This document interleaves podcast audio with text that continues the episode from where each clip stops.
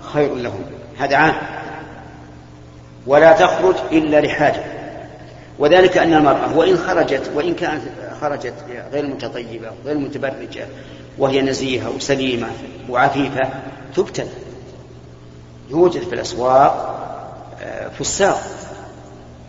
فساق ليس همهم ليس لهم هم إلا ملاحقة النساء والعياذ بالله ومغازلتهن. وإلقاء الأوراق وأرقام التلفونات عليهن وما أشبه ذلك مع أن مع أنه نزيهات. فلهذا نقول خير مكان للمرأة أن تبقى في بيتها وهي في الواقع هي مسؤولة عن نفسها ووليها أيضا مسؤول عنها. حتى كثير من الرجال نسأل الله لنا ولهم الهداية قد أطلقوا العنان للنساء. تخرج المرأة متى شاءت تتكسى في الأسواق وفي المتاجر ولا يبالي ولا يسأل. نسأل الله أن يعين إياكم على أداء الأمانة. نعم. نحن عائلة شيخ كبيرة. نخرج سنويا للبر ويصير في بعض المنكرات مثل الغنى مثل الغيبة والدخان. ونخرج معهم وندخل يعني قبل ما تصير هذه المنكرات. يعني قبل يكون في غنى للرجال والدف والنساء كذلك. يعني قصدك إيه. اجتماع تعارف إيه اجتماع تعارف سنوي. ها؟ سنوي ما سنوي. المهم إنه اجتماع تعارف المقصود بالتعارف والتآلف. إذا وعادة أخذناها سنوي أخذناها عادة. أي أقول ما آه إذا كان هذا للتعارف والتآلف ودراسة أحوال العائلة من يحتاج ومن لا يحتاج فهذا طيب. وإذا جاء المنكر فإنه لا يسع الإنسان إلا أن يفارق. فهمت؟ أما إذا كان مجرد خروج نزهة ولا في مصلحة فهذا من إضاعة الوقت ولا حاجة. أما كونه يتكرر فما دام غير مقيد بشهر معين فلا بأس به. إذا كان الشيخ العائلة كبيرة جدا يعني. والمنكرات هذه يعني سبق وأنكرنا عليها. إذا كانت ما في استجابة. ذكرت في سؤالك بارك الله فيك أنكم تجتمعون وإذا جاء المنكر الذي ترونه منكرا؟ بعض الإخوان. فارقت والبقية يجلسون. على كل حال من من عمل صالحا فنفسه ومن أساء فعليه. الذي يجلس مع المنكر كفى المنكر. ولكن يا شيخ بالنسبة يجوز أن نقاطعهم يا شيخ مثلا ما نخرج هذا. كما قلت لك ما دام في مصلحة لا تقاطع.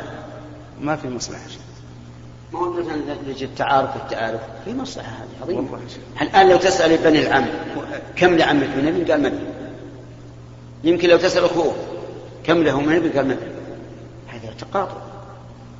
كون الناس ما يعرفون يعني ما يعرف بعضهم بعضا ليس بطيب.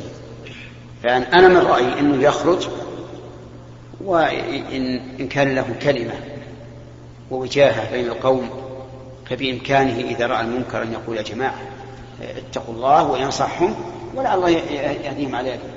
وأما إذا كان من عامتهم يخرج مثلا ويشاركون في الغداء أو نحوه ويعرض مشكلات إن كان عنده مشكلات وينصرف. نعم. إمام مسجد معظم جماعته من الذين لا يحفظون ما يقرأه في الصلاة. ويحتاج لا. لا يحفظون ما يقرأه في الصلاة ويحتاج من يستفتح عليه أحيانا فلا يجد. من يفتح من يفتح. من يفتح عليه فلا يجد. فلا يجد فهل يجد فلا يجد فهل يجوز له وضع مصحف في جيبه يستفتح منه؟ يفتح منه. يقرأ به. اي نعم. لا بأس. يعني يجوز للإنسان الإمام والمأموم المأموم قد لا يحتاج إليه لكن الإمام والمنفرد أن يقرأ من المصحف. ولا سيما في السور الطوال مثلا إذا قال أنا فجر يوم الجمعة السنة أن يقرأ الإنسان فيه بألف لام تنزيل السجدة في أول في الركعة الأولى وهل أتى الإنسان في الركعة الثانية؟ وهو لا يعرف لا يحفظها نقول اقرأ بالمصحف. ولا حرج لأن هذا مروي عن عائشة رضي الله عنها كانت تفعله في صلاة الليل. نعم. فضيلة الشيخ لو إنسان نسي السجود الثاني بعد ما قضى الصلاة تذكر أن باقي سجود ماذا يفعل؟ هل يعيد نعم إذا نسي السجدة الثانية في آخر ركعة وسلم نقول وتذكر نقول عد للصلاة إنوي أنك الآن جلست للتج... ل... للدعاء بين السجدتين ثم اسجد السجدة الثانية ثم سلم ثم اسجد السجدتين بعد السلام. نعم.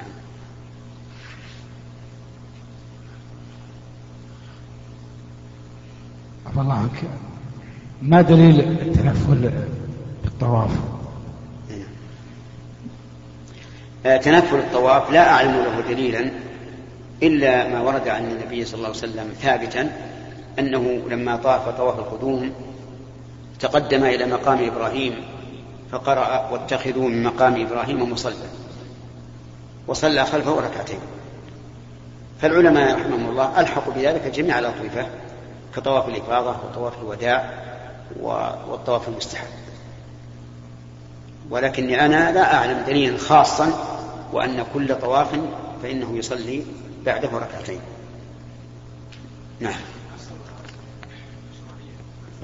أخذ خذ الميكروفون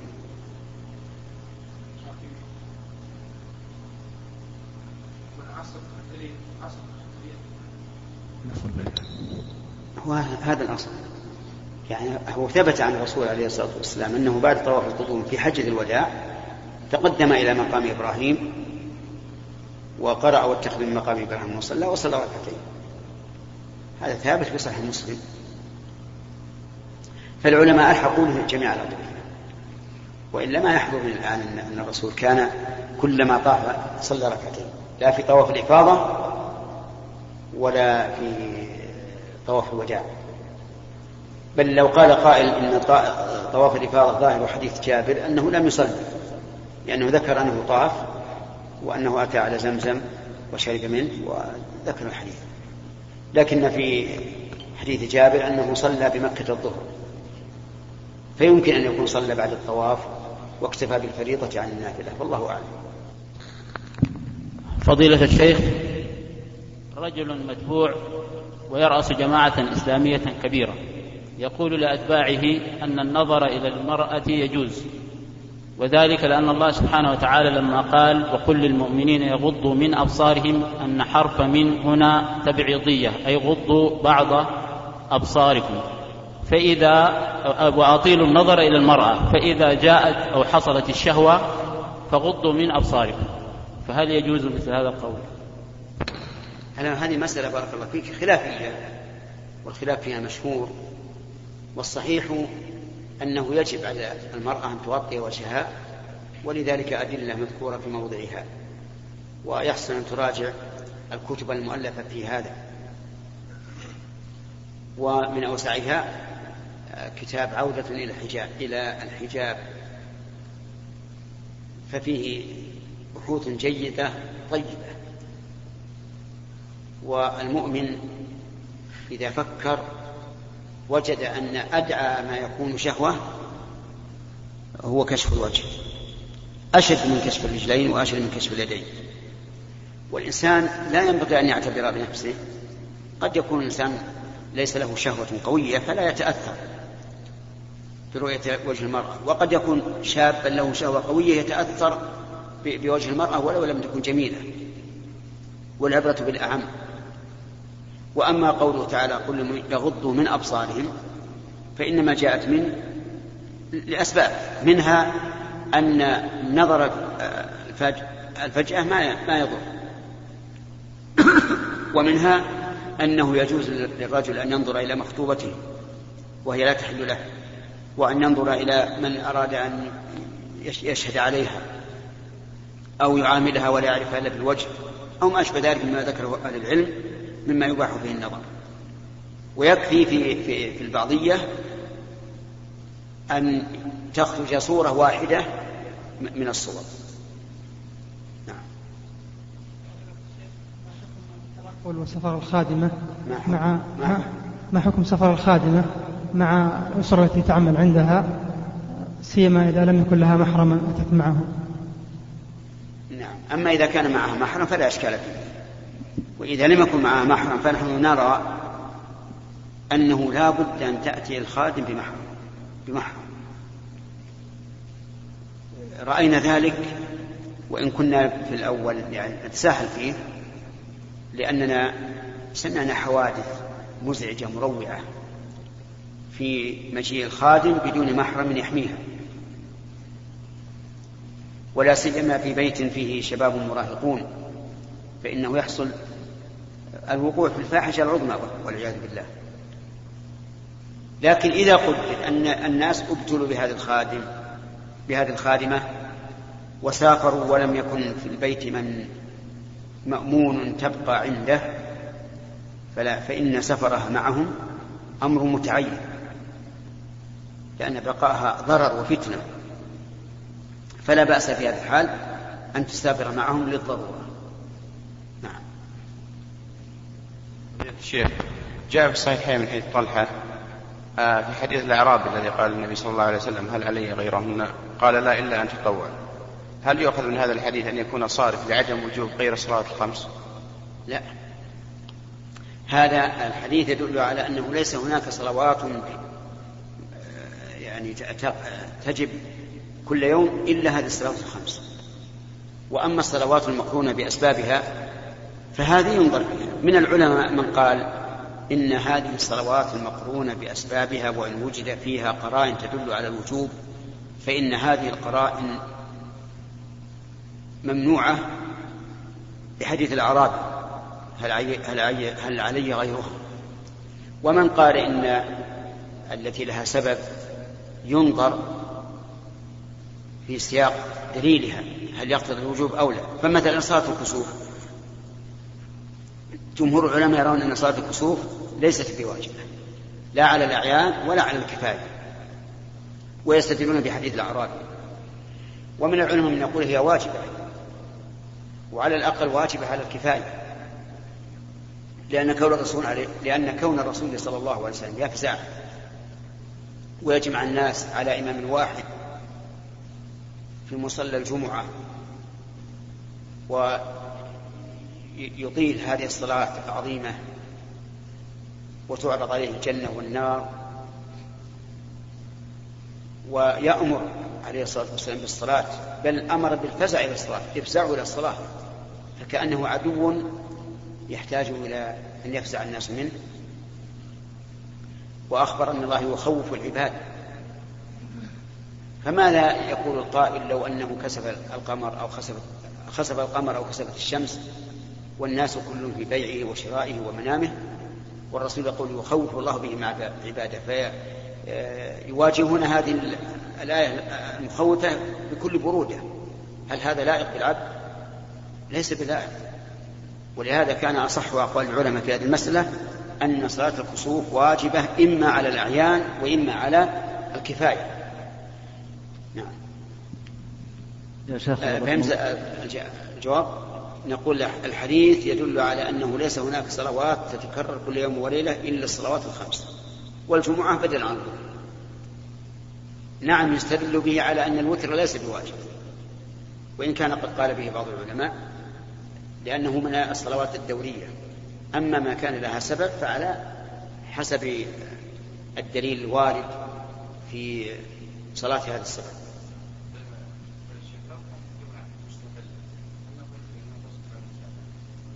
الجمعة ما ما يصليها المسافر. في البر ما يصليها لكن لو كان في في بلد تقام فيه الجمعة لا بد أن يحضر.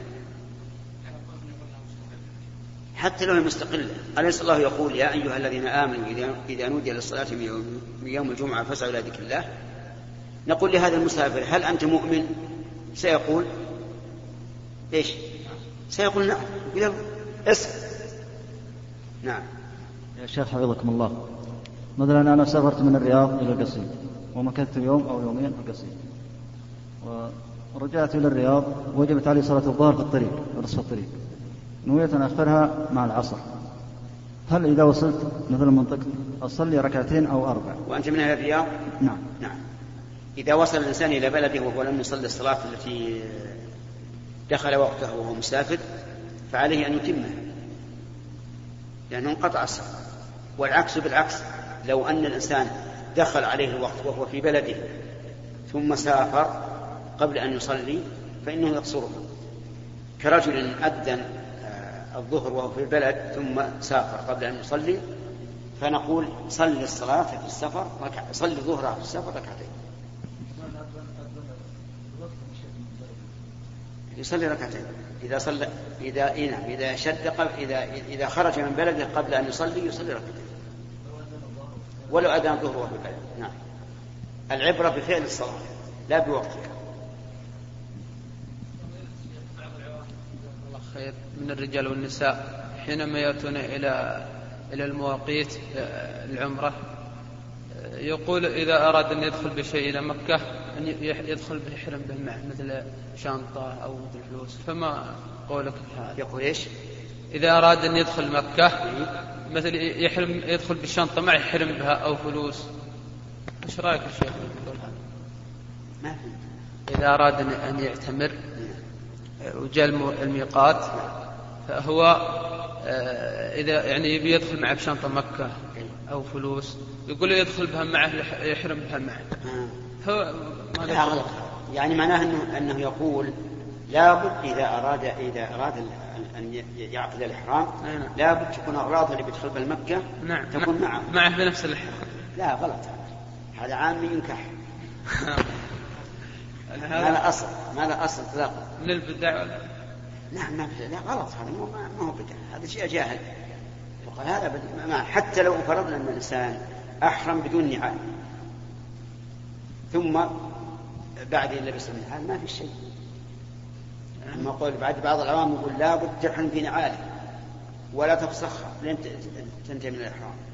يعني ما تغيرها هذا غلط. كل هذا تغير ثياب الإحرام إلى ثياب أخرى يجوز الإحرام بها. تغير النعال. تلبس النعال وإن كنت حين الإحرام غير, لابس له ومثل النساء نعم الطيب إذا لم تتطيب قبل الإحرام فلا تتطيب بعد الإحرام. نعم. مثل النساء الله يجزاك خير. إذا إذا أرادت تأخذ غطوة ثانية. يقول لازم تحرم بها معه لا مو بصحيح. مو بصحيح. جزاك الله. لا تعداك تعداك. حكم ضرب الدف للنساء في غير العرس. إذا كان لسبب فلا بأس. لأن امرأة أتت إلى رسول الله صلى الله عليه وسلم قالت إني نذرت إن ردك الله سالما أن أضرب بالدف بين يديك فقال لها أوف بنذرك أما مجرد له فهذا لا يجوز. لكن إذا كان لسبب كقدوم غائب مثلا أو ما أشبه ذلك فلا فلا حرج. نعم. ما حكم رفع الصوت بالذكر عقب الصلاة؟ آه، نعم. رفع الصوت بالذكر عقب الصلاة المكتوبة. المكتوبة يعني. سنة. والدليل شيء إلا إذا كان إلى جنبك رجل يقضي وتخشى وتخشى إن رفعت الصوت أن تشوش عليه فلا ترفع الصوت والدليل شيء الدليل حديث عبد الله بن عباس رضي الله عنهما في البخاري. قال كان رفع الصوت بالذكر حين ينصرف الناس من المكتوبة على عهد النبي صلى الله عليه وسلم. وكنت أعرف انقضاء صلاتي بذلك. نعم. تعالى وإذا ضربتم في الأرض فليس عليكم جناح أن تقصروا من الصلاة. ما هو التحقيق في المرض بالقصر؟ هل هو قصر الكمية أو الكيفية؟ يعني لا سيما السباق والسياق في صلاة الخوف. نعم. نعم. الصحيح عام هو عام لهذا وهذا. لكن بلا خوف للكمية فقط. بلا خوف. بلا خوف. ومع الخوف للكمية والكيفية. كيف؟ الجواب على حديث عائشة أن أن الصلاة أن الصلاة شرعت ركعتان آه، فأقرت صلاة آه، السفر السفر وزيد في صلاة الحضر نعم.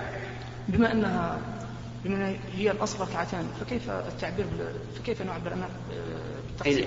لأنه لما كان المسلمون أكثرهم غير مسلمين كلهم يتمون فبين الله عز وجل أنهم إذا سافروا وضربوا في الأرض فليس عليهم جناح أن يقصروا من الصلاة.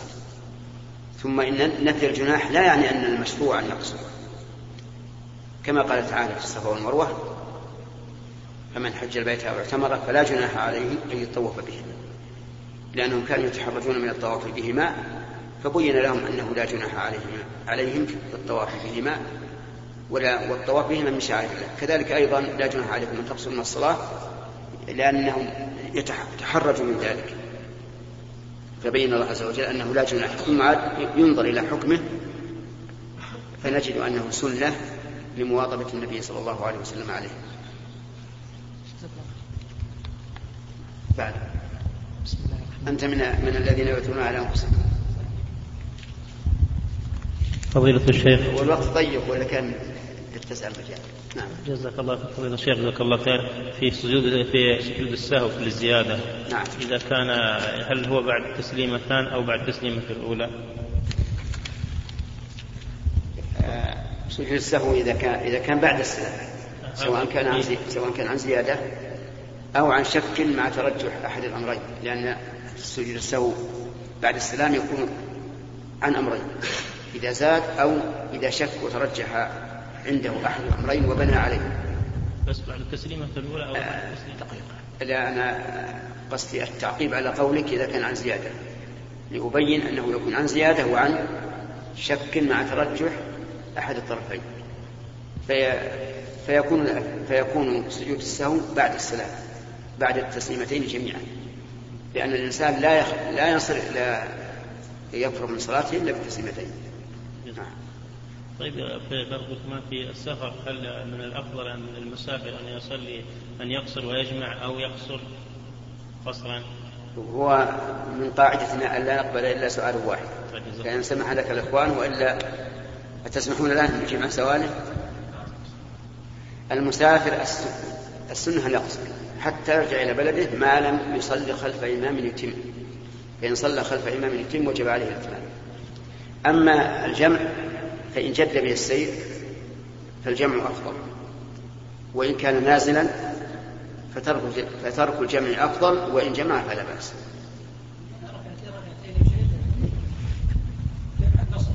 أي نعم. لا غلط. الجمع أربعة أربعة إذا كان إنسان غير مسافر نعم.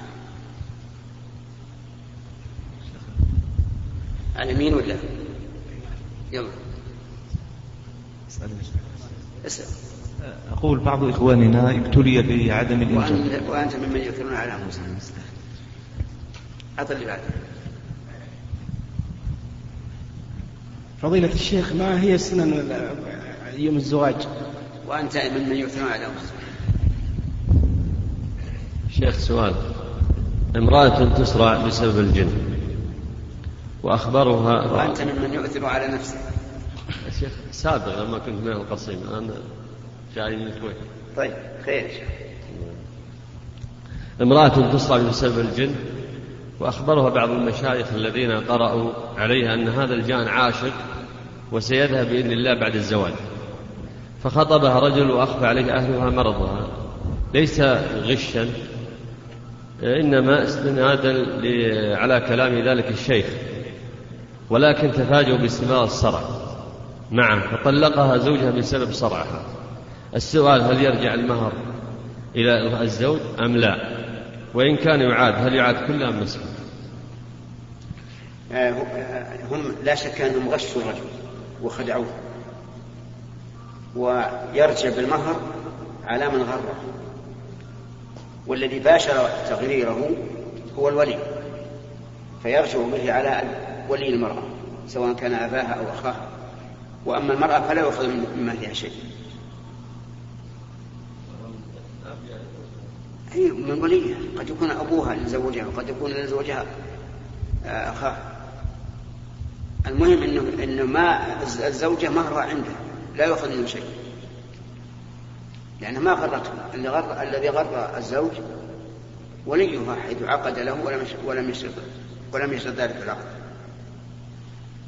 لكن أنا أشير عليه أن لا يأخذ شيئا ولا ولا يعني ولا يثير مشاكل جبرا لخاطر هذه المرأة المصابة.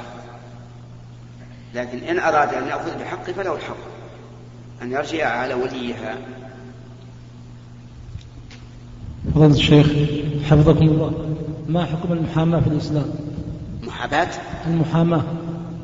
المحاماة في الإسلام إذا كان الإنسان يريد إحقاق الحق وإبطال الباطل فهي خير ومأمور بها لما فيها من إزالة الظلم عن المظلوم ومعاونة صاحب الحق على حقه. وأما إذا كان الإنسان يحامي بالباطل بأن يكون كلامه هو المنتصر فهذا حرام. فهي ترجع إلى نية المحامي. انتهى الوقت؟ أيها الأحبة